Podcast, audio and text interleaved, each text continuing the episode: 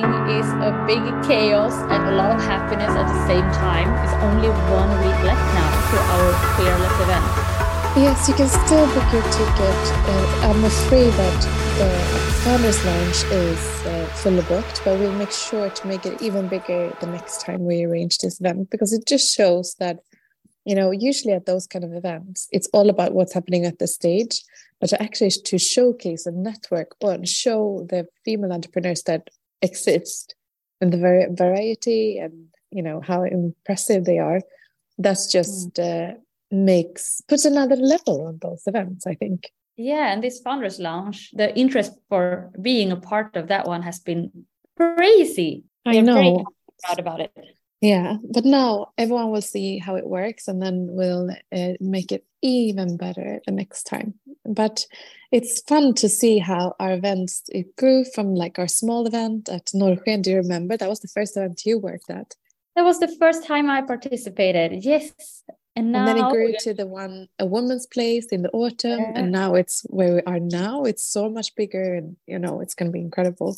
It's going to be such a lovely day, and also now we have some uh, we have the DJ that we have been talking about before, and now we also have another few goodies that we will show apart from all the fantastic partners we have. So don't want to miss this for sure. Mm. And my mom was like, "Do you need a babysitter? I can come. I can come." I think she wanted to hold him, uh, Philip, while during the evening. so fun. Oh, yeah, of course. No, and also, my mother will be there. Oh yes, it's an event for yeah. mothers. It's an event for grandmothers. It's an event for students. Like there's that's the beauty of those kind of events. That is there's something for everyone.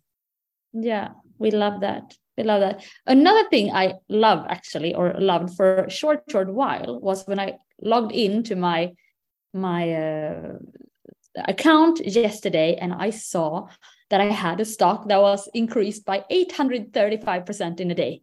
That's crazy. I got super excited for two minutes and then I realized, ooh, I just missed one small detail. And I'm talking about the TUI stock. Yeah. Know, I love to travel. So I do have TUI stock. Do you have a travel portfolio? Mm, not really. but you have TUI. I have TUI, and I like I like that stock very much, and it, as uh, as a lot of the other stocks, um, traveling stocks like flights we talked about the other day, uh, they have had a, a rough uh, few years. Uh, and I just want to say this is not a recommendation, but I do have it in my portfolio. And so what happened was a reverse stock split. And I just want to explain to you that listens what that actually means. So they took 10 old TUI stocks and squeezed it into one new stock, uh, which means that now there are less TUI stocks up for grabs. And they are also like they sometimes do this right when the value of the stock is quite low. Yeah exactly. So now you have one stock rather than 10 exactly because they were like 1.7 euros or something and now instead then one stock is 17 euros mm. uh, which could be a bit uh, hard to understand but but it was so interesting. I was like, "Oh, this was a very good day," and then I realized that all the other stocks I had in the in that day was like down a lot because this week or last week was a bit shaky on the stock market as well. But people or companies do these sometimes when when they want to. How should how, how can we explain this, Michaela? They wanted to look. They want. They don't want to have too many stocks or shares out. So it's a way to minimize the amount of shares you offer to yeah. the market.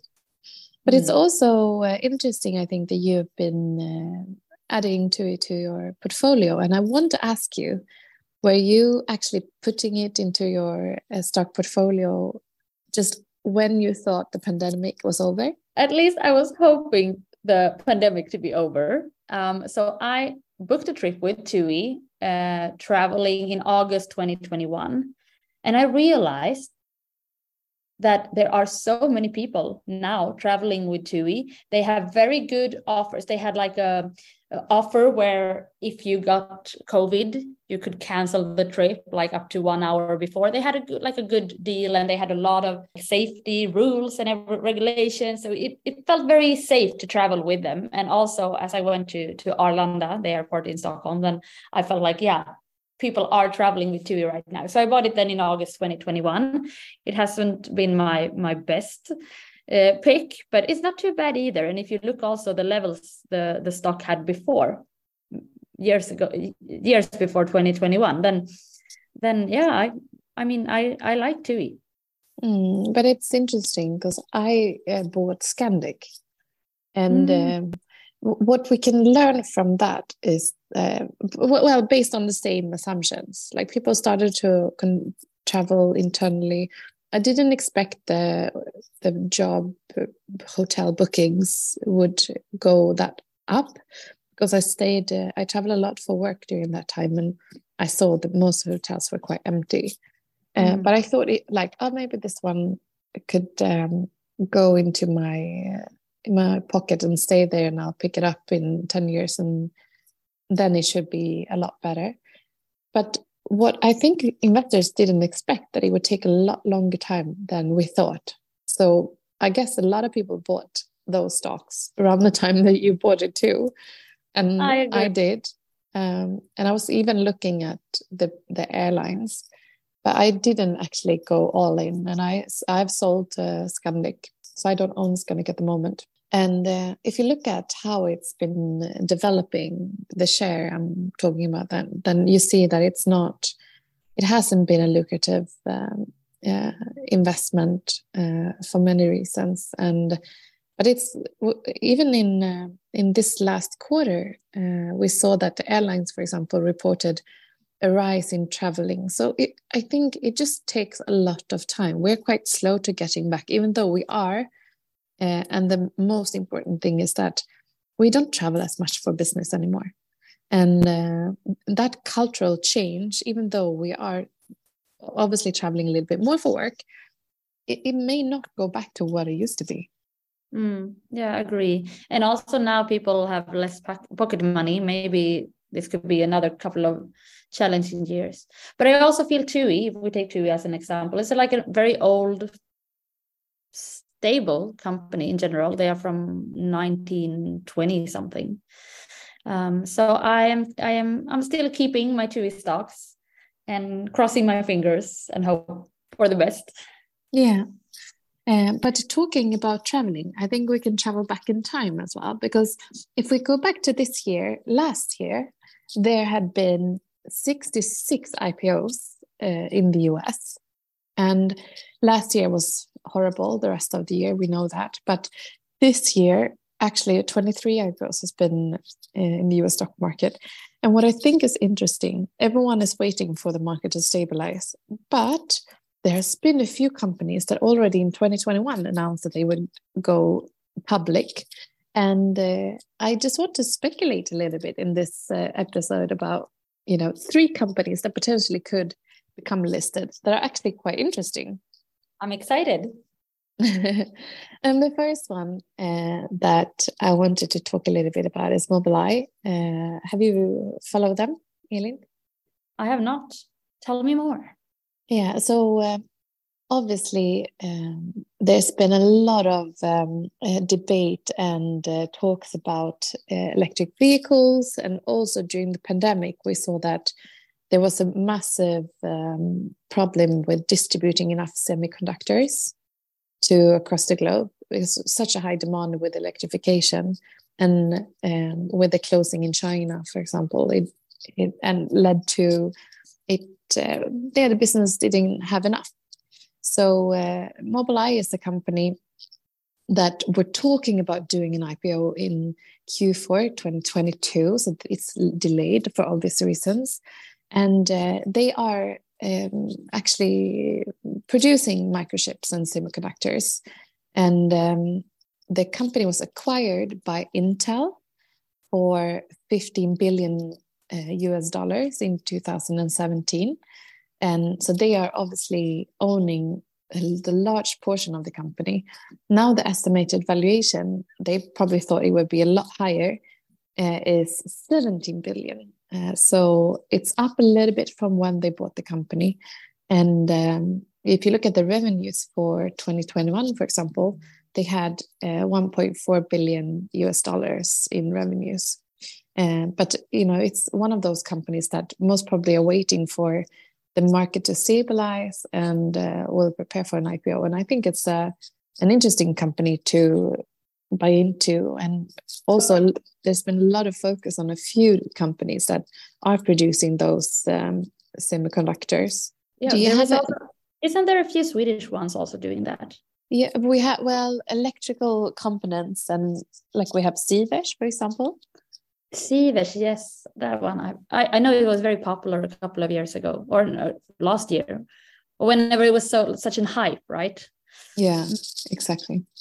Sivers is one is one interesting company. Um, but uh, yeah, so it would be interesting. I think if if Mobile would go listed, I would uh, I would probably participate Hmm. as an investor. And Right. uh, then we have another company that you are acquainted by because we use it with Feminvest. Stripe. Exactly. I was like, ooh, I've heard about this one. That is the one that I love and I hate at the same time. and it's uh, this company is like a soft service uh, where or the valuation is estimated to be around 70 billion dollars. So it's uh, extremely high. And um, last year they were actually anticipating that the valuation would be around 100 billion dollars. Um, but uh, they've now been laying off a lot of people similar to other tech companies and So they uh, are they are not listed yet. They are they, no they they're not plans- listed They have plans for it. yes. Or is that what you're hoping for? Yeah, so they've been. Uh, if you are a company and you want to go public, you have to register um, to uh, like that you're filing a, an application that you want to get listed with SEC, and they have done that, and they've also uh, registered its intent to hold an IPO.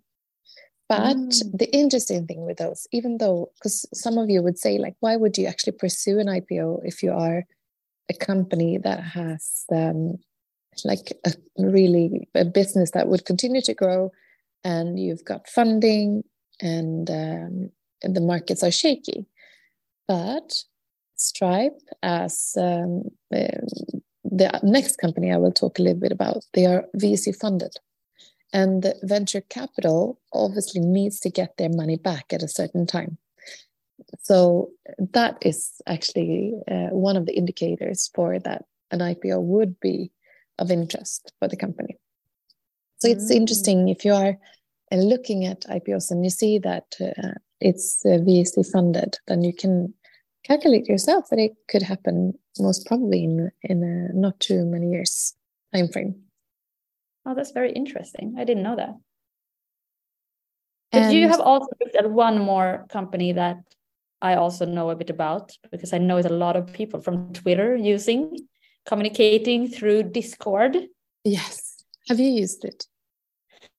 I do have the Discord app, um, but I'm not using it that often, to be honest. Mm. Do you? I have it too, but I don't use it a lot. I, you know, a bit. The thing is, it's you have so many um, uh, applications for different things. I struggle to actually to use all of them, and Discord is one of those that are uh, slightly neglected. I, I totally agree with you. I feel exactly the same way. But I wonder if my kids, when they grow up, will use it. I think so. Hmm. If you look at like the different social media platforms that we use today, what would they use? I think they would probably use TikTok and uh, Discord. Not as we do then Instagram and No, but they are. My daughter, she started talking about Roblox, and obviously Discord is a product that in, is inherited from the gaming industry. And all the Mm. kids are. I'm just now looking at a, a robot that is actually we bought for uh, my son in for Christmas. That is like it's a robot that helps kids with logical thinking. So it's educational, and they play with it this morning, and it's called Doc D O C and I know it's used in in preschools as well in Sweden. So it just seems like uh, kids use uh, gaming to a greater extent than we did when we grew up. we played with the Nintendo or but not all of us did that either. Roblox is like everyone is doing it. So that's a stock one should buy. Mm, exactly. Not, not, not financial advice. no, exactly. I, I, also had Roblox for a while, um, but it was it was not good. It was not bad, but maybe maybe it's time to look at it soon again. Who knows? Oh, yeah. But so but Discord, Discord yeah, uh, they've uh, got an estimated valuation of fifteen billion dollars, and um, they uh, were talking about uh, revenues being around 20 million last year. And in 2021, they had a revenue of 150 million. So uh, they are still growing rapidly. And uh, talking about this gaming, uh, future of gaming, Microsoft bought Activision Blizzard. Um, and that is kind of projecting that you know we are um, tech companies are integrating gaming into their portfolios and uh, it's most probably going to be a part of the future. And hence my thought that my daughter most probably will use discord in the future. Would you buy any of those stocks if they would go public? Uh maybe i would. I think i had to have to as always dig more into the company to know what i'm buying Mm. Um, so with this little information, not sure, but mm. uh, but of course, it's a lot of interesting companies that want to come to the stock market also soon. So yeah, I don't know. How do you feel? Uh, you said that you had an yeah. eye on Mobileye. Yeah. Pun intended. Yeah, uh, Mobileye. Discord, I think, is interesting as well um, because they are now um, relying on revenues from advertising, etc. But they are also looking at uh, subscription revenues, and they've got 140 million active monthly users. So obviously, mm. that's another interesting um, business uh, and revenue stream. Mm. So uh, we'll see. Uh, maybe things will happen in the autumn hopefully. It still seems like no one is really planning for a lot of massive things in the spring. Exactly. So let's keep an eye on these companies. And now i think we should go straight into into today's entrepreneur interview which is actually in swedish. Are you ready? I'm ready. And also i want to say that onwards all of our episodes will be in english. So brace yourselves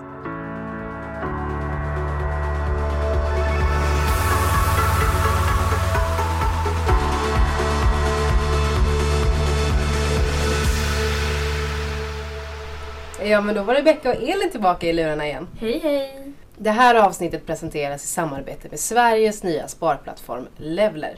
En utmanare på marknaden som lanserades i förra året och har höga ambitioner om att göra sparandet enklare.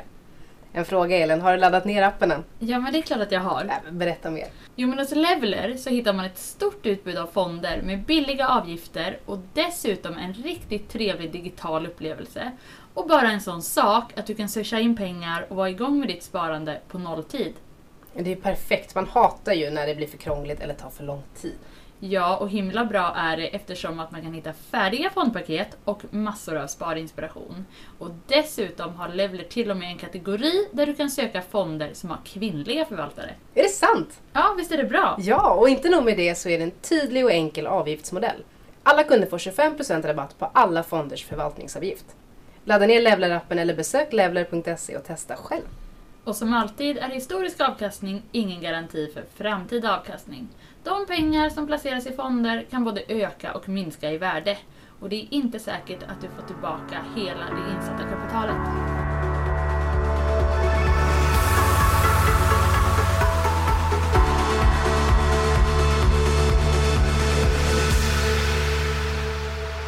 Då har vi kommit till den punkten då vi ska presentera dagens entreprenörer. Och den här veckan så har vi besök av Linda Ljunggren Syding och Elisabeth Sjölander och ni driver varannan vecka. Supervälkommen till Feminvest-podden! Tack så mycket! Tack så mycket! Så kul att ha er här och vi har ju pratat lite nu innan och jag bara bubblar och vill höra mer om vad ni har för er. Men innan vi går in på varannan vecka så tänker jag att ni kanske kan berätta lite kort om vilka ni är och vad ni har för erfarenheter sedan tidigare som gjorde att ni landade i varannan vecka. Ja, jag kan börja lite kort. Det är jag som är Linda, VD och medgrundare på Varannan vecka. Jag har ju en bakgrund som familjerättsjurist, men har också fått eh, testa på väldigt mycket annat roligt som affärsutveckling och försäljning och marknadsföring. Så att jag är en sån här spretig människa som har gjort vad som har känts roligt och viktigt. Men det är väl härligt när man får göra det. Jag är också Ja. så. Ja, underbart. Elisabeth Sjölander heter jag. Eh, Jag är också familjerättsjurist eh, i grunden, eh, utbildad medlare och har, haft, eller har barnrätten som min röda tråd tidigare. Mm, det Men i och med det så sätter du nästan fingret på typ de två sakerna som jag tänker blir lite som problematiska med ett varannan vecka-liv. Och det ena är att så här, vi, vi behåller fokuset på barnen. Mm. Eh, för att de måste hamna i kläm och jag vet att många är medvetna om det, försöker så gott man kan men att det, det är ändå lätt att kliva fel där. Och det andra är ju kommunikation när man separerar.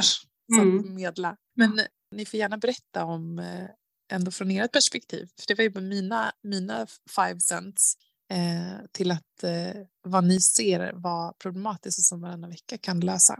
Som familjerättsjurister så har vi ju sett det från den värsta sidan, får vi ändå säga Elisabeth, där Mm. väldigt mycket har gått väldigt fel eh, och man har kanske under ganska lång tid tjafsat och inte liksom lyckats komma överens. Och väldigt ofta är det ju liksom smittoeffekter då på att man har sårat varandra, gjort illa varandra. Det är kämpigt liksom i själva uppbrottet.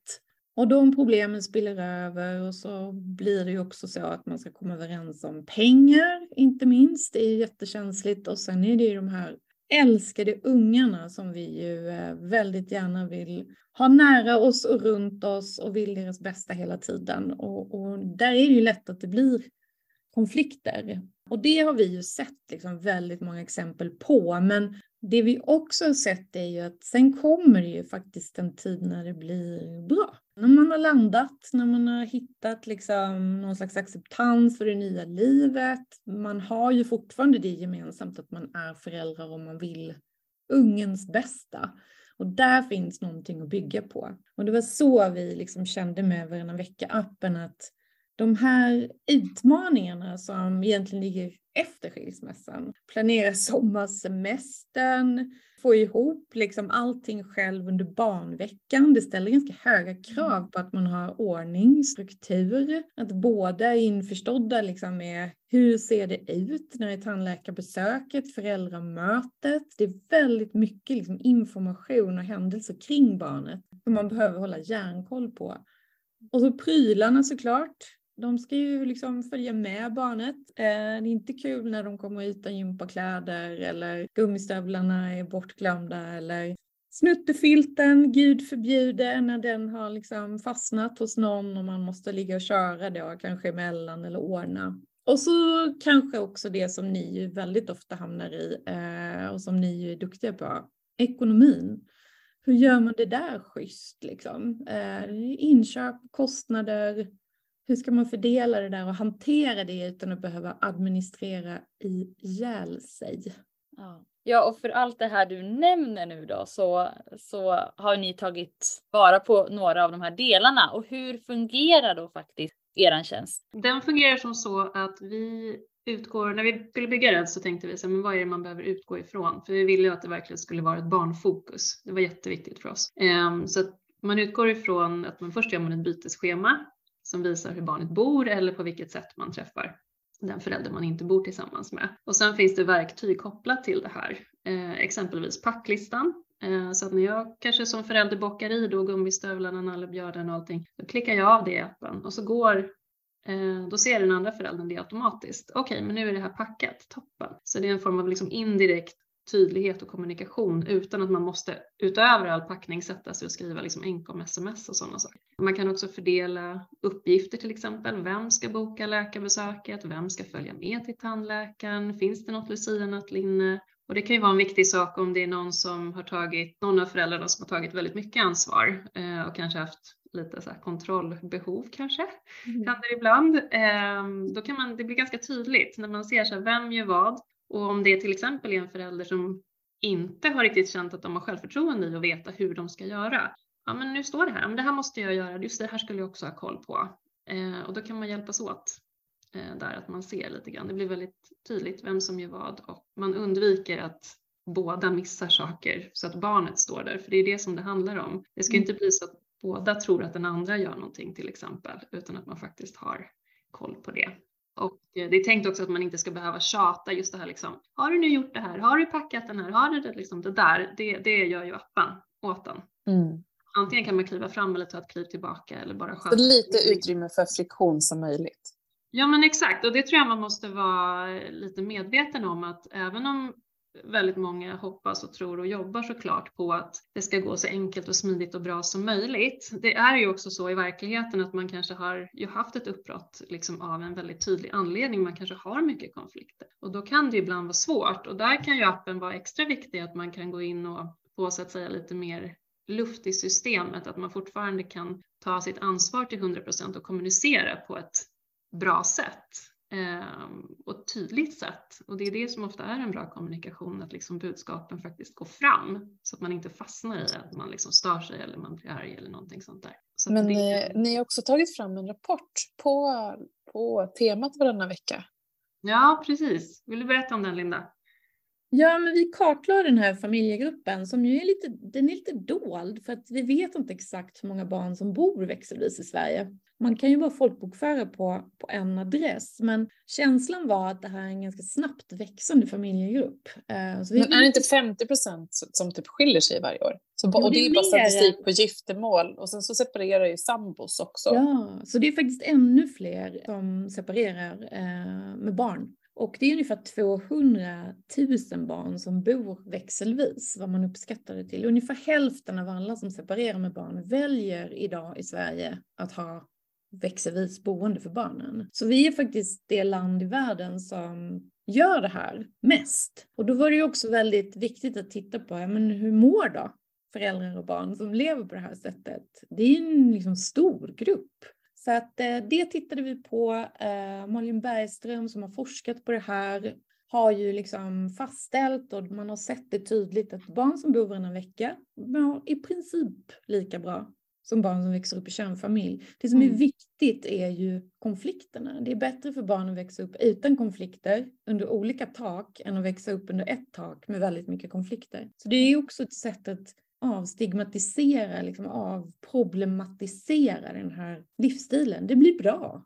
Föräldrar mår också bättre när de kan dela ansvaret än när man är ensamstående med, med allt. Och sen var det intressant att också titta på hur samhället och företag liksom inte anpassar sina liksom tjänster och produkter kanske till den här målgruppen. Du går ju inte på gymmet liksom när du har barnveckan. Det hinner du ju inte. Men du kanske går flera gånger veckan efter. Varannan vecka är gymkortet. Eller matkassen där du käkar liksom yoghurt och, och müsli ena veckan. Och sen är det falukorv och massor med bilmakaroner liksom veckan efter. Um, Jätteintressanta tankar. Mm. Så att eh, hela den rapporten finns ju på vår eh, hemsida. Det, det är kul och spännande läsning och jag tänker att människor som lever det här livet också förtjänar lite pepp liksom i att Verkligen. det blir bra och det går bra och man ska inte tycka synd om människor som har den här livssituationen för det, det blir bra. Mm. Ja, och då går man in på varannanvecka.se eller var hittar man den? Varannanvecka.app faktiskt. Punkt app? Ja. ja, jättefint. Jag vill gå in och läsa den. Eh, absolut. Jag är ju inte i, jag har ju inte varken barn eller, eller sambo eller särbo, men jag. Alltså, Varannan vecka sambo. Hur mår du? Ja, exakt.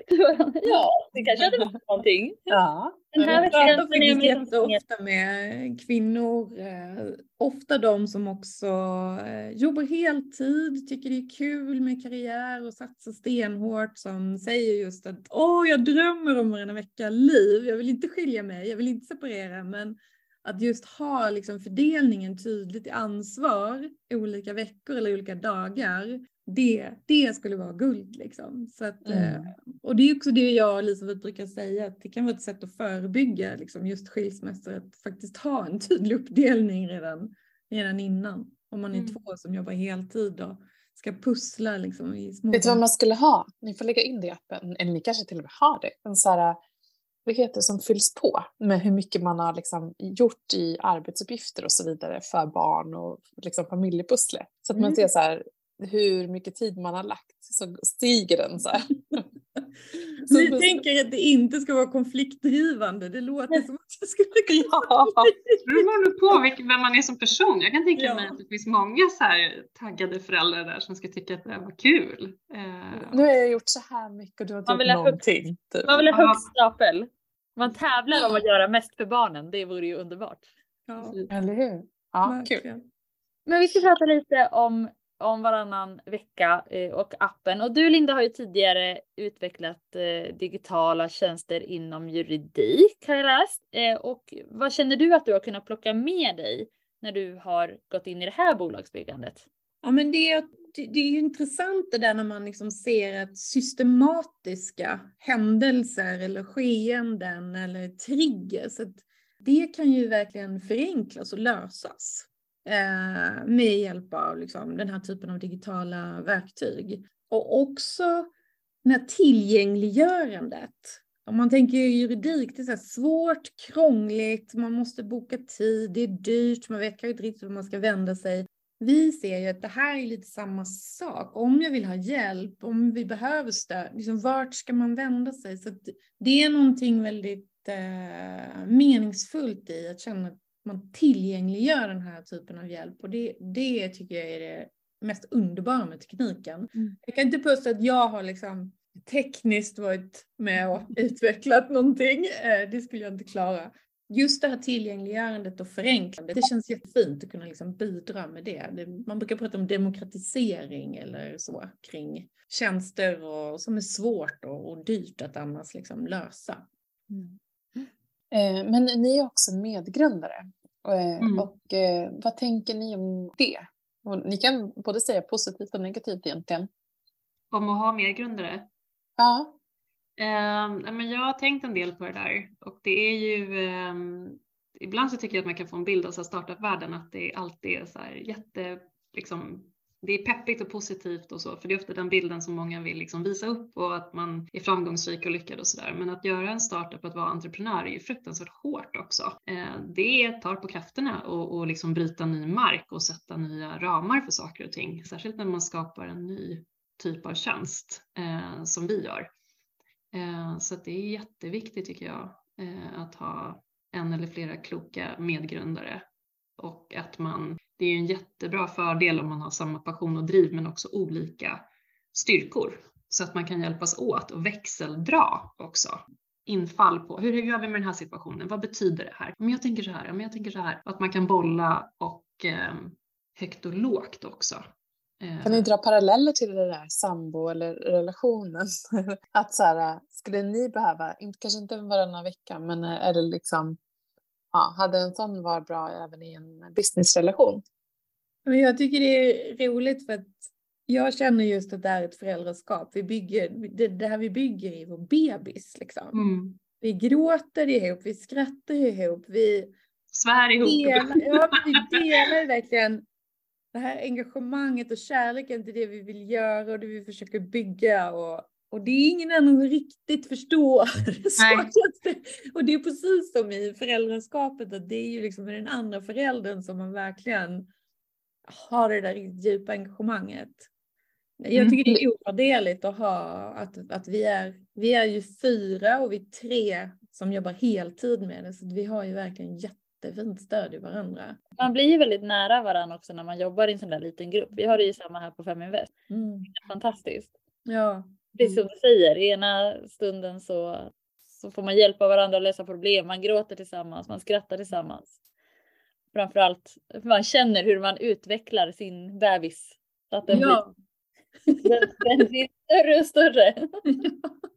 Men just också att man har så här fritt fram och bara gå all in på alltså nörda, man är ju lite nördig tycker jag när man gör en startup. Man måste vara det tror jag för att bli framgångsrik i det. Och att få nörda ner sig med andra som bryr sig precis lika mycket som man själv, det är helt ovärderligt. Utan att Mm. skämmas. Nu bara kör vi för att göra en riktigt bra tjänst. Härligt. Men, men vilka marknader finns ni på nu då? Vi finns bara i Sverige idag. Eh, och Eh, så att appen finns liksom inte. Den, är- den finns bara laddad ner i Sverige. Vi var i Danmark precis innan jul och, och presenterade för ett gäng investerare där också. De var ju lite besvikna när de inte kunde ladda ner appen. Men, men eh, vi tittar ju på Danmark och Norge primärt som nästa marknader. Även Nederländerna och Belgien. Ehm, det ser väldigt likt ut som Sverige rent liksom demografiskt, kulturellt, hur vi hanterar det här med ja, först skilsmässan men sen också det här med att vi ser att föräldrar gärna har fortsatt ansvar eh, så att inte papporna försvinner ut i periferin. Liksom. Och det är ju också en, en liksom, jämställdheten är ju den trenden som driver vår målgrupp och växer vår målgrupp faktiskt globalt. Att kvinnorna förvärvsarbetar mer, männen tar plats tidigare i barnens liv och det blir mer självklart att man vill liksom just ha ett fortsatt delat ansvar om barnen. Och det är ju positivt också för barnen. Det är hemskt när en förälder försvinner liksom efter en, Mm. en skilsmässa. Så att, eh, det är jättespännande. Det finns jättemånga spännande marknader, men, men de jag nämnde först där känns liksom enklast att, att börja titta på. Har ni något annat spännande i kikaren förutom att titta på, på flera marknader? Alltså vi håller precis på nu i sluttampen på en investeringsrunda. Där har vi ju ett fantastiskt namn med oss som vi inte kan säga. Men, men det är ju superspännande. Det är, vi står ju och stampar på stället liksom och är så otroligt glada att vi har fått med den här personen på resan. Eh, det är spännande. Vi ska lansera ekonomiverktyget som vi ju vet är jätteviktigt där man liksom får hjälp dels att sätta budgeten men också sen med beräkningar och transaktioner så att man inte behöver hålla på och diskutera de sakerna varje vecka, varje inköp, varje månad utan att det också blir friktionsfritt. Sen är vi en del av Sting nu och det är ju fantastiskt spännande. Så mycket intressanta både bolag och, och duktiga människor som man Mm. möter. Så hjälpsamt. Jag vet inte om du vill lägga till något Elisabeth? Det känns som att det är så mycket som bubblar. Eh, Ja, nej, men det är de stora sakerna som du nämnde. Sen det känns också som att när man gör en startup så händer det så mycket hela tiden. Det är det som är så kul också med att vi är ett litet team så kan vi göra coola saker väldigt snabbt också. Ja, det förstår jag verkligen. Mm. Kul. Ja, fort från beslut till implementation. Ja, precis. Men är ni med på Fearless och ställer ut? Vi har ju en Founders Lounge. Ja, vi planerar absolut att vara det. Vi planerar absolut att vara där. Eh, och Mm. jag tror bara Men för så här är det, för det här eventet är ju lite speciellt för att vi lanserar ju Founders Lounge. Så att vi har sagt att om man bokar biljett och kommer eh, så får man faktiskt eh, ställa ut utan extra kostnad. Så i Mm. mån av plats, så att i så fall, jag vet att eh, ja, man, man måste vara snabb. Eh, så jag vet inte om det finns något utrymme kvar. Men den möjligheten finns i alla fall. Jo, men Jag det tänker många jag. användare också där på plats. Jo, men det pratar vi om eh, ganska tidigt. Så att ja, det, det finns i bakhuvudet någonstans. Så att det ska vi, vi kommer absolut att vara där på ett eller annat sätt i alla fall. Ja, kul. Men eh, annars, om man inte har möjlighet att komma på Fearless, hur kommer man i kontakt med er då? Allra enklaste sättet är att skicka ett mejl till oss eh, och då är vår mejladress hello at varannanvecka.app.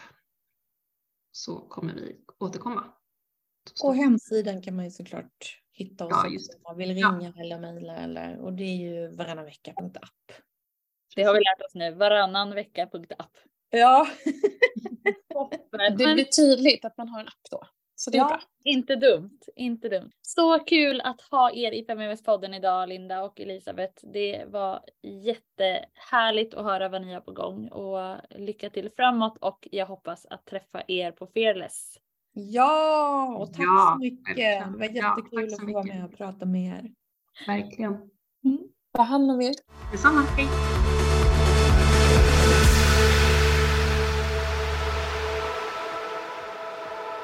Feminvest är Sveriges största investeringsnätverk för tjejer. Vi vill att allt fler ska våga äga och förvalta. Och hur gör vi då detta? Jo, vi vill inspirera, utbilda och utmana runt ägande, investeringar och entreprenörskap. Följ Feminvest på våra kanaler Facebook, Instagram, Youtube. Varje vecka så kommer vi även ut med en podd och du kan ju självklart även följa nyheterna som publiceras på feminvest.nu. Det är bara att söka på Feminvest på samtliga kanaler så hittar du till oss.